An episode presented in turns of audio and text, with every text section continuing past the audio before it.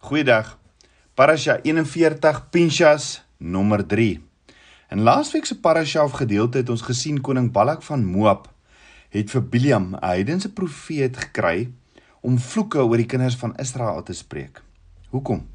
Want hulle was bang vir die kinders van Israel. Maar die hele tyd wat Biliam seën gespreek het, in plaas van vloeke, was die kinders van Israel in totale vrede. Dit is die effek van die verbondseëninge van Abba Vader. Papa God het 'n ewige seën oor sy kinders gespreek en geen teestander in die hemel of op aarde kan die dinge wat hy gespreek het ongedaan maak nie. Abba Vader sê in Genesis 12 vers 2 tot 3 en ek sal jou 'n groot nasie maak en jou seën en jou naam so groot maak dat jy 'n seën sal wees en ek sal seën diegene wat jou seën en hom vervloek wat jou vervloek en in jou sal al die geslagte van die aarde geseën word. Dan sê Abba Vader ook in Deuteronomium 15 vers 6: Ek seën jou soos ek jou beloof het, sodat jy aan hulle nasies sal, sal uitleen, maar self nie hoef te leen nie, en jy sal oor hulle nasies heers, maar oor jou sal hulle nie heers nie. So die vraag is, wat is 'n toepaslike vlak van interaksie wat Abba Vader se verbondsverkinders volgens Vader se woord met mense het wat nie Abba Vader se woord onderhou nie. Of hoe hanteer ek mense wat nie in Yeshua glo en hom volg nie? Watter vlak van verhouding is toepaslik en watter vlak is gevaarlik? En waar trek jy die lyn? Of wat is die grense? Dit is baie belangrik om hierdie te weet want ons moet op ons hoede wees om nie ons koninkryk sout se smaak te verloor nie. Nou daar's twee primêre benaderings wat ons volg wat vernietigend is. Nommer 1, dis 'n pad wat baie kinders van Abba Vader volg van totale isolasie. Dis 'n keuse wat kinders van Abba Vader maak om mense wat nie glo soos hulle glo nie, dan heeltemal te vermy. Dit beteken dat jy jou neus optrek, jou hart verhard en alles in jou vermoë doen om ander wat nie Abba Vader se woord gehoorsaam nie, soos jy so ver as moontlik van jou af weg te hou. Jy jy bou mure om hierdie volgens jou hierdie onbesnede Filistyne uit te hou. Met ander woorde, jy het net gesprekke en interaksie met mense wat soos jy glo. En die probleem met hierdie pad is dat diegene wat hier, wat hierdie oorreaktiewe pad volg, hulle word vinnig trots, hard, veroordelend, wreed kritiserend en neem baie maklik aanstoot.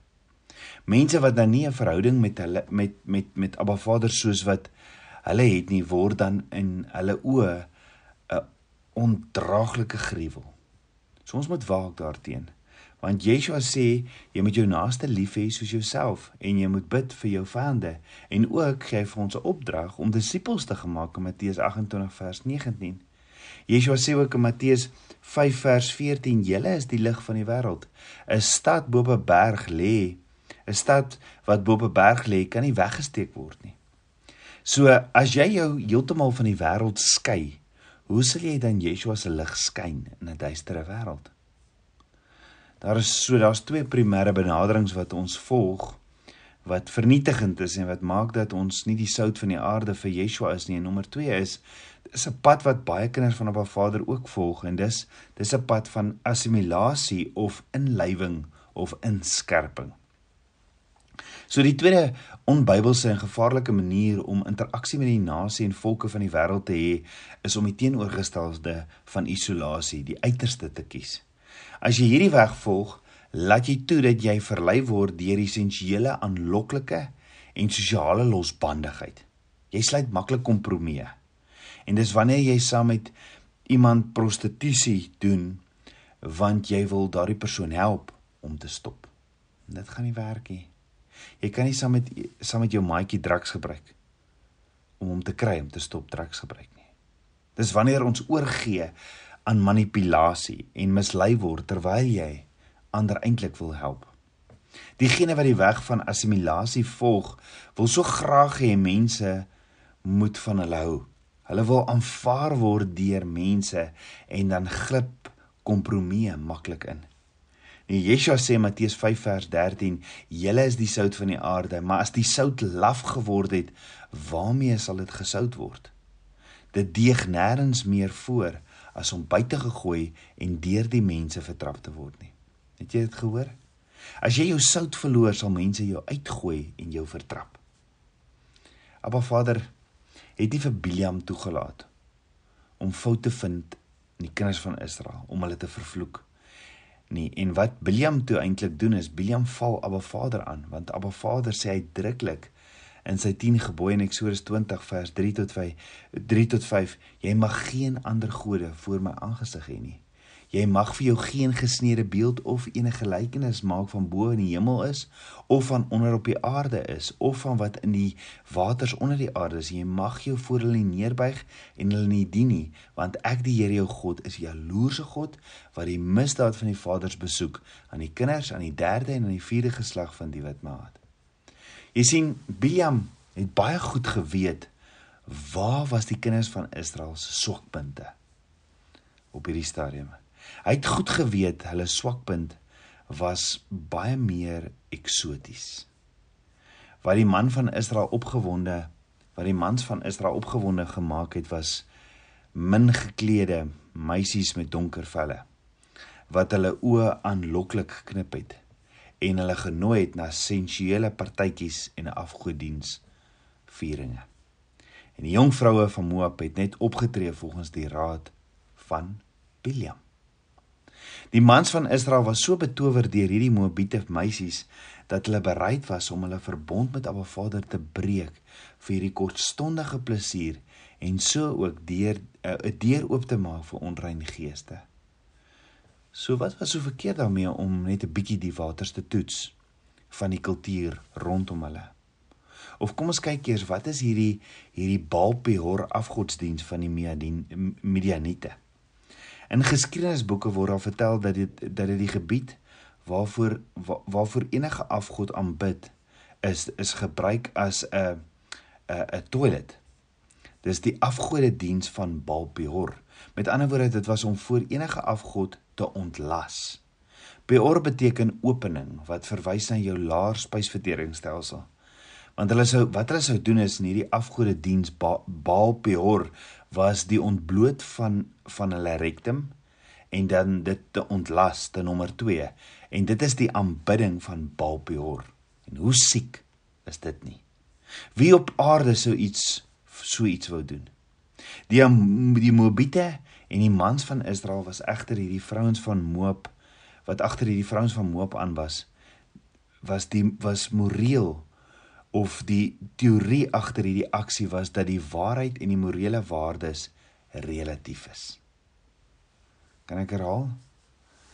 Die Moabiete en die mans van Israel wat agter hierdie vrouens van Moab aan was, het die moraal en die teorie agter hierdie aksie ehm um, die die die moraal daar agter was dat die waarheid en morele waardes relatief is. So op die heilige grond van 'n God te ontlas wat veronderstel is om heilig te wees, is 'n daad wat 'n gewaagde stelling maak. Dis 'n verklaring dat absoluut niks, nie eens iets wat as 'n god beskou word, eer verdien nie. En dis wat hulle geglo het. So as 'n mens homself ontlas op hierdie heilige grond van 'n god, dan doen jy dit net vir een rede. Om aan hom om om aan jouself en aan die wêreld te bewys dat jy volgens geen reëls leef nie en dat jy sal doen net wat jy wil. Maak nie saak wie beswaar maak nie. So die aanbiddingsdiens van Baal Peor was 'n was in werklikheid glad nie aanbidding vir god nie, selfs nie 'n valse god nie. Nee, dit was presies die teenoorgestelde van aanbidding was absolute seksuele onreinheid. Dit was die aanneming van oneerbiedigheid. Dit was om te bewys jy vrees geen God nie. Dit was ook die aanvaarding van geen beperking op persoonlike gedrag nie. Dis perversie, losbandigheid en verdorwenheid. Ek meen as niks heilig is nie, is niks veragtelik nie. Nou hoe op dese aarde het die kinders van Israel betrokke geraak by die Abba Vader het die kinders van Israel geroep as heilige priesterdom. En hierdie is presies die teenoorgestelde van Abba Vader se plan vir hulle. Abba Vader het hulle geroep om te kan onderskei tussen wat rein is en dit wat onrein is. Want sien as 'n kind van Abba Vader is jou uniekheid jou skuld en jou reinheid jou swaard. So die vraag is, wat is die regte manier om met ander kulture en mense in wisselwerking te tree? Wat is 'n veilige en toepaslike vlak van interaksie met die ongehoorsame mense wat ons ook elke dag sien en ontmoet? Dit is hier waar Abba Vader se woord inkom. En as ons nie die woord ken en daarvolgens wandel nie, is ons sittende eende. As ons nie Abba Vader se woord ken en intiem saam met hom wandel nie, is ons gedoem tot kompromie en mislukking. Maar deur Abba Vader se woord te ken, te onderhou deur die bloed van die lam en deur die getuienis van Yeshua, is daar inderdaad 'n manier om nie deur hierdie kwaad oorwin te word nie. Die manier is om net te doen wat Abba Vader sê ons moet doen. Omdat ons hom liefhet met ons hele hart, met ons hele siel en met al ons krag. Dis om te leef volgens die Shema leefstyl waarna toe hy ons roep. Dis 'n intieme verhouding in plaas van godsdiens. Dis om sy weë aan ons kinders en huishoudings te leer. Dit beteken dat ons onsself nie sal onrein maak ter wille van tafelgenootskap nie en ook nie die Sabbat. Maar Vader se afspraak met ons ontheilig om 'n bietjie ekstra geld te verdien nie. Dit beteken dat ons nie dit wat die mense rondom ons vrees sal vrees nie. Haat wat hulle haat nie, nie lief hê wat hulle liefhet nie. Om of om fees te vier wanneer hulle kies om fees te vier nie. Dit beteken dat ons nie sal aantrek of eet wat hulle doen nie. Dit beteken dat ons nie ons verhouding met Abba Vader sal bou rondom sakramente en rituele soos baie mense rondom ons doen nie. Dit beteken wel dat ons die mense rondom ons sal lief hê en hulle sal dien, vir hulle sal bid, met hulle besigheid ook kan doen en hulle met eer en respek sal behandel. Maar ons sal nooit by hulle aansluit in hulle ongehoorsaamheid aan Abba Vader se woord nie. Maar dankie tog dat Abba Vader ons sy kinders beskerm van die vuilheid van hierdie wêreld. So Abba Vader sê toe vir Moses in Numeri 25 vers 4: Neem al die hoofde van die volk en die en en hang die oortreders op in die volle son vir die Here totdat die troongloed van die Here van Israel afgewend kan word. Met ander woorde, Abba Vader se instruksie is baie baie duidelik dat die skuldiges moet die doodstraf kry en almal moet hulle straf sien sodat hulle die erns van hierdie saak dat die erns van hierdie saak gesien kan word. Want sien Abba Vader weet presies in sy alwetendheid wat dit gaan kos om die manne van Israel vry te maak van hierdie nuwe verslawing of slawe juk. Maar Vader moet sy kinders verlos en weet as 'n wonderlike geneesheer dat hy 'n ernstige lewensreddende middel moet voorskryf. Ongelukkig het die ouderlinge en die verlosters van die kinders van Israel nie die selfvertroue gehad om die reinigingsinstruksies van 'n Vader uit te voer nie. Die behandeling of die voorskrif wat ons wonderlike geneesheer voorgeskryf het is nie geïmplementeer nie. Sy woorde het op dowwe ore geval. Hulle het Abba Vader nie geshema heerlis nou by nie. Hulle het voortgegaan om hulle met die Moabitiese minaresse te assosieer. Hulle het voortgegaan met losbandigheid voor die afgode van Moab. Een persoon wat glad nie Abba Vader se voorskrif op op aggeslaan het nie, is 'n leier van die stam van Simon met die naam van Zimri. Hy het nie geluister nie. Zimri het groot gegaan en vir hom sommer 'n Moabitiese prinses huis toe gebring na die kamp na die kamp van die kinders van Israel. En nie net dit nie, hy het haar sommer gebring na die tabernakel toe waar jy Abba Vader nader en net Abba Vader aanbid. En selfs dit was nie genoeg vir Zimri nie. Hy het sommer op 'n losbandige manier baljaar met hierdie prinses op Abba Vader se heilige grond. Dis mos nou om Abba Vader uit te daag en te tart, is dit nie? Presies wat hulle gedoen het met Baal Peor. Dit by die tabernakel en nie Moses, Eliezer, die hoofpriester, Joshua of Caleb roep vir Zimri eenkant toe en jaag hom weg nie. Of niemand van hulle doen iets daaromtrent nie. Al hierdie gesalfde manne van van gesag het net gesit en ek is sekerlik met groot geskok na dit gekyk. En Zimri en hierdie minnares van hom Kosbi het aangehou met hulle losbandige paljaar. En voor ons verder kyk wat gebeur, om oor te ponder. Hoe los ons ook net goed uit wat nie reg is na Abba Vader se oë nie.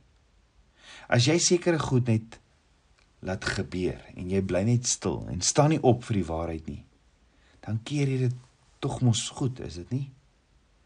Tabernakels kind van Abba, hoe hanteer jy dinge vandag wat nie reg is in Abba Vader se woord en Abba Vader se oë nie? Hoe hanteer jy dinge as hulle jou Abba bespot? Kom ons bid saam. Abba Vader, skieper van my hart, Abba, ek loof en ek prys U. Vader, vergewe my as ek enigsins kompromie sluit met die wêreld. Vader, ek wil soos Joshua in Joshua 24 vers 15 vandag verklaar, maar as dit verkeerd is in iemand se oë om Abba te dien, kies dan vir julle vandag wie julle wil dien, of die gode wat julle vaders daaroor kan die Efraat gedien het, of die gode van die Amorite in wie se land julle woon, maar wat my en my huis bedien, wat my en my huis betref, ons sal die Here dien. Abba Vader, ek en my huis wil net U dien. Ons sal U dien. Was ons skoon van enigiets wat nie van U af is nie. Meer en meer van U. Ek bid dit alles in Yeshua Messie se naam, die seun van Jahweh. Amen. Shalom.